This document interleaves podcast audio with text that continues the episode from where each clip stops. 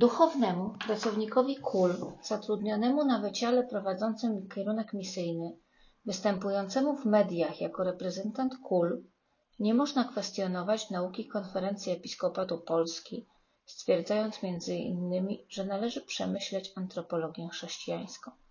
To wywołuje niepokój. Powiedział kilka dni temu w wywiadzie dla KAI rektor Katolickiego Uniwersytetu Lubelskiego ksiądz profesor Mirosław Kalinowski. Odniósł się w ten sposób zapewne do wywiadu księdza Wierzbickiego opublikowanego na Onecie we wrześniu ubiegłego roku. Pominę dywagację, co wypada, a co nie, bo to chyba ta kategoria, duchownemu i pracownikowi naukowemu uczelni. W moim najgłębszym przekonaniu po to są uczelnie, by zadawać pytania. To jedyna droga pozwalająca na refleksję. Konieczna, jeśli pamiętamy, że nie posiadamy prawdy, ale ciągle się do niej przybliżamy. Jeśli pracownikom naukowym jakiejkolwiek uczelni nie wypada zadawać pytań czy kwestionować przyjętych poglądów, to placówka ta w mojej opinii nie zasługuje na miano uniwersytetu. Ale nie o tym chciałabym dziś mówić. Mam złą wiadomość. Antropologia chrześcijańska jest dziś wielką nieznajomą. Nie mają o niej pojęcia ani katolicy, ani niewierzący. Już dawno przesłoniliśmy ją moralnością chrześcijańską i społecznym konwenansem. Mówimy, co wolno, co nie. Mówimy, co wypada, co nie.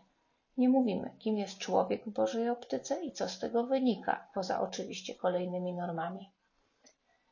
Najwięcej mówi się o antropologii chrześcijańskiej w kontekście płciowości i seksualności.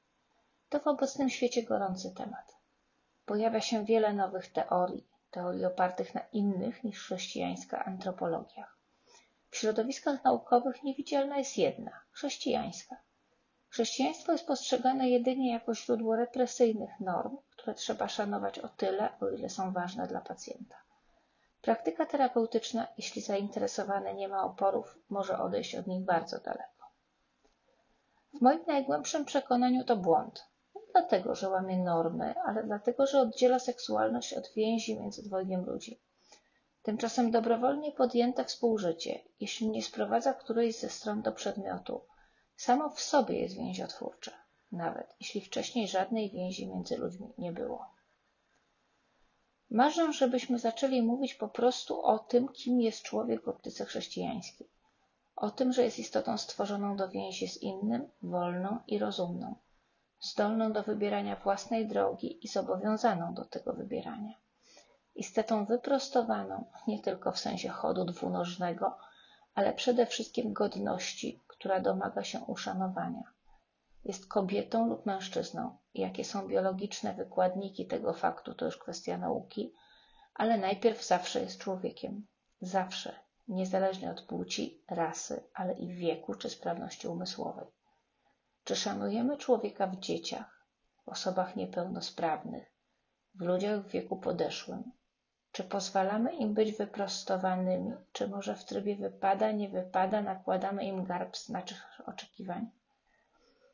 Chrześcijanie powinni być ludźmi wyprostowanymi i wolnymi. Wolnymi wobec społecznych konwenansów, których przez wieki narosło bardzo wiele, wobec kultury, w której przyszło im żyć, nawet tej przez nich samych stworzonej, wobec tradycji, które zastali. Powinni być ludźmi szanującymi to, co wartościowe i sprzeciwiającymi się złu, odważnie szukającymi większego dobra. Jeśli tacy będziemy, Ewangelia znów zacznie pociągać. Na razie wielu kojarzy się głównie z garbem, żeby nie powiedzieć łańcuchem. A to nie jest antropologia chrześcijańska. Wręcz przeciwnie.